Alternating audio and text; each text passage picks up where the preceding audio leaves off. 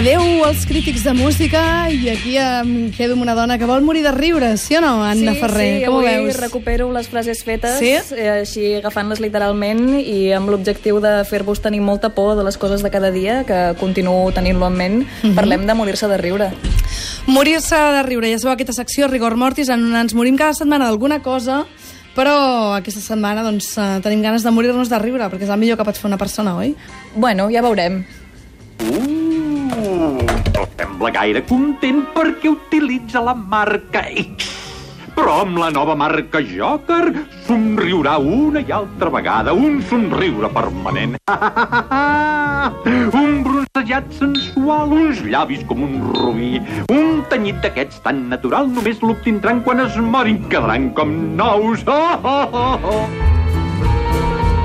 És un morir, però amb una rialla no gaire agradable, no, No, això aquesta? t'anava a dir, vull dir, el morir, que és el millor que es pot fer rient, no ho sé, en el cas del Joker, que és inevitable, si hem de parlar de ficció, i eh, bueno, en l'àmbit que vulguis, en còmics, en sèries, en pel·lis, has d'anar a buscar l'arxienemic d'en Batman i els seus riures diabòlics i els seus mètodes d'assassinar.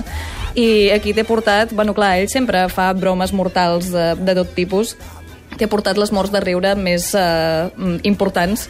Tenim al principi que tant els còmics originals com a la sèrie dels 60, aquesta obra mestra televisiva amb César Romero com el Joker, eh, intenten més d'una ocasió que en Batman i en Robin s'ofeguin amb un gas del riure, que els faci riure tant i tant i tant i tant que no puguin més.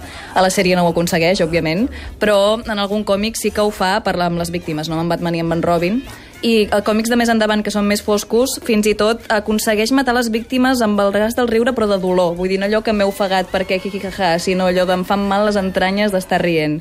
I fa una mica de mal rotllo, i és guai.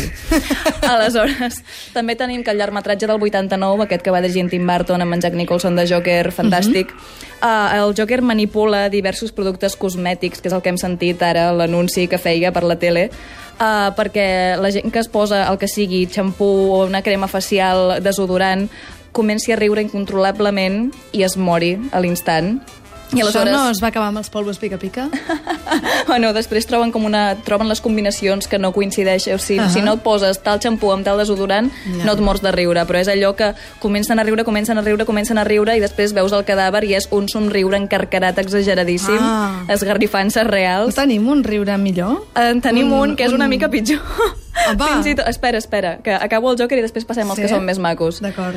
Va passar que el 92 van fer la sèrie d'animació de Batman Mhm. i que els creadors van dir clar, és una sèrie per nens, no ens deixen matar ningú, encara que sigui d'un tret, és que no podem matar la gent. Mhm. Però el Joker és molt dolent i és d'aquests dolents perquè sí, i és el pitjor del món. Així que van dir, bueno, recuperarem el gas del riure i no serà letal, però el que podem fer és, número 1, que es quedin amb un somriure glaçat, número 2, que es posin a riure allò de uh, retorçar-se fent ganyotes i clar, amb l'exagerada que pot ser l'animació van arribar a fer-ho molt pitjor que morir-se perquè veies aquelles cares i, i bueno, jo encara tinc malsons de quan veia la sèrie quan era petita t'ho dic però sí, Una dona, una dona, vaja, feta malbé pels somriures de Batman i de Joker. Batman m'ha fet molt de mal durant tota la Ai, vida sí, però feia molta por, eh? Jo quan veia aquest home, la veritat és que... doncs, doncs sí, és l'objectiu Mal rotllito, mal rotllito. exactament Mira, Ken, et faré unes quantes preguntes mentre menjo les patates.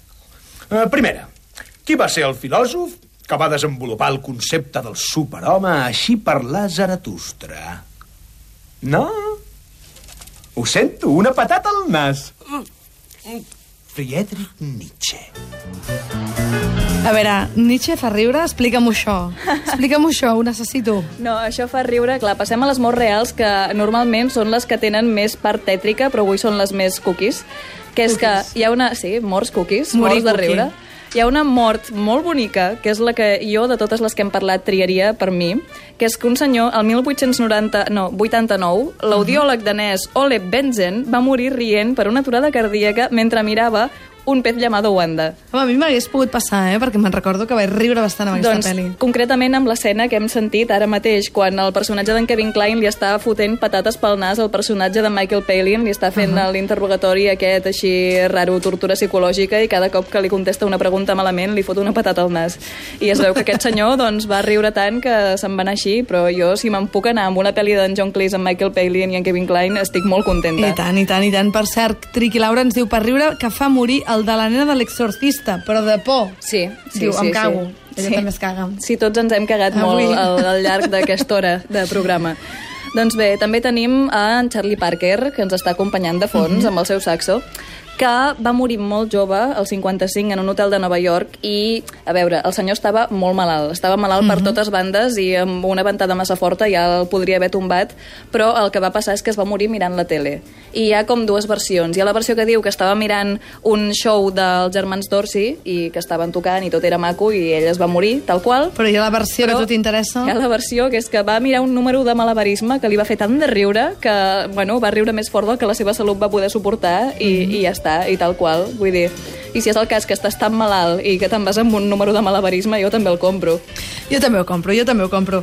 I tenim un altre senyor de l'any 75. El 75, Què, què li passava a aquest home? Un senyor que es deia Alex Mitchell, que era britànic, Ahà. estava a casa seva mirant una comèdia televisiva The Goodies, que és molt poc coneguda fora del Regne Unit, i es veu que el capítol d'aquella setmana li va semblar tan divertit que es va passar 25 minuts seguits rient, vull dir, tot el capítol rient. Però a veure, jo el que flipo amb això és que m'imagino un senyor amb un cronòmetre mirant que rius durant 25 minuts. a veure, això qui s'ho creu? Però era un capítol de 25 minuts Ah. i va començar a riure des del Hi principi. ha testimonis que diuen que va estar rient des del primer a l'últim Hi ha fotograma. la seva dona, en concret, és el testimoni. La dona. La Sempre dona. de la dona. Doncs aquest senyor va morir per una aturada cardíaca, per culpa dels The Goodies. I la senyora, quan va acabar l'enterro i tota la pesca, va enviar una carta a l'equip de The Goodies per donar les gràcies que la mort del seu marit hagués estat tan bonica. Oh.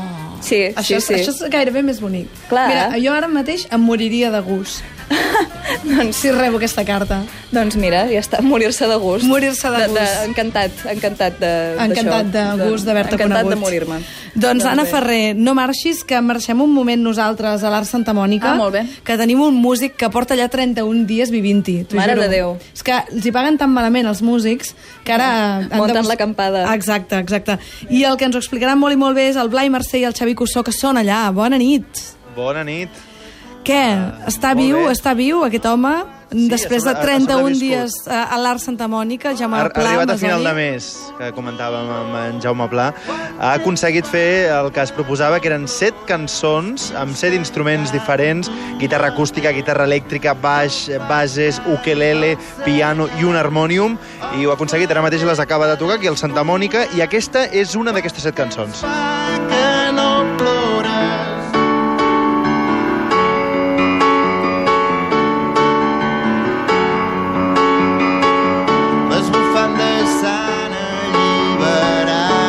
Imaginar, suposo que aquesta cançó l'ha fet amb el piano. Perquè... Sí, pel que sembla, pel que sento, sí. Sí, sí, ho he fet amb el piano i eh, és interessant també explicar a en Jaume Pla amb què s'ha inspirat, perquè... eh, Però ara què em volies dir? Que en Alfonso no l'ha fet en piano o, o què? O Sí, sí, Ah, l'ha ah, fet amb el ah. piano, però s'ha inspirat en altres coses. D'acord, d'acord, d'acord. S'ha inspirat en una bufanda perduda a la Rambla, trompeta. imagina't tu. Què? Amb una bufanda perduda a la Rambla. Què dius? Sí, sí, la va veure allà, llavors va pensar eh, que la bufanda doncs, eh, havia abandonat el coll d'algú i que aquella persona doncs, a l'hivern feia que... Bueno, una mica això. És que has d'estar una mica boig per poder compondre set cançons al Santa Mònica durant un mes, jo crec. També s'ha inspirat molt amb l'exposició dels Cabo Sant Roque, que està al pis de dalt a la Santa Mònica.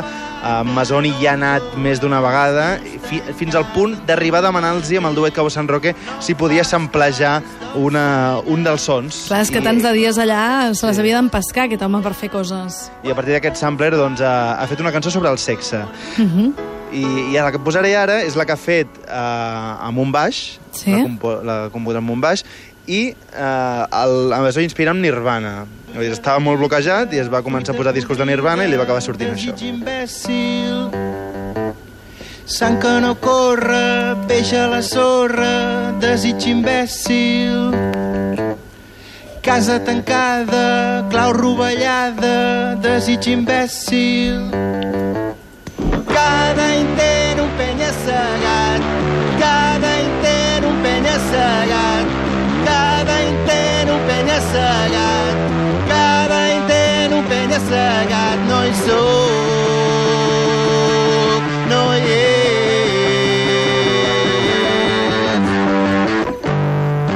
Aquesta és una altra de les cançons de Jaume Pla Masoni. La pregunta que ens fem és que si ara traurà, traurà un disc amb tot això, perquè clar, ha fet tota aquesta feina, no? El- L'objectiu hi és, és fer un disc que recopili també... Te'n recordes aquella gira que va fer fa 5 anys, eh, que consistia en un concert cada dia durant un mes? Doncs possiblement el concert d'avui del Santa Mònica i aquella gira doncs acabin sent un projecte doncs, conjunt, no? perquè també eren 31 concerts en 31 dies i això han estat 31 dies doncs, fent cançons aquí al Santa Mònica i finalment se n'ha pogut sortir en Jaume Pla, perquè no és fàcil, eh? explicat que quan va arribar ràpidament li sortien les cançons, en va fer dues rapidíssim, I després d'estar ja uns les dies coses- encallats Ja, i ja, ja. finalment doncs, van acabar sortint també les altres. Doncs Blai Mercè i Xavier Cussó, gràcies per fer possible aquesta connexió des de l'Art Santa Mònica. Ens veiem demà aquí als Estudis d'ICAT i nosaltres eh, marxem ja avui. Avui ens tornarem demà a les 9 de la nit. Gràcies al David i al Mario per haver vingut a veure'ns i, evidentment, a la Mercè Rigual, a la Mireia Isar, en Josep Maria Marçà, l'Anna Ferrer, que la tinc aquí, i es Bueno. mora cada setmana de gust, eh, preparant les coses del programa. I vaja, aquí us ha parlat Montse Virgili. Tornarem demà a les 9 de la nit. No és una amenaça, és veritat. I vindrà Maria Rodés a presentar-nos el seu Duerme Vela, el seu últim llibre. Ja sabeu, aquesta cantant que és capaç de tot, de cantar-vos un tango i un bolero i després fer-vos un llibre que es diu Duerme Vela. En parlarem demà. Bona nit. Cabaret elèctric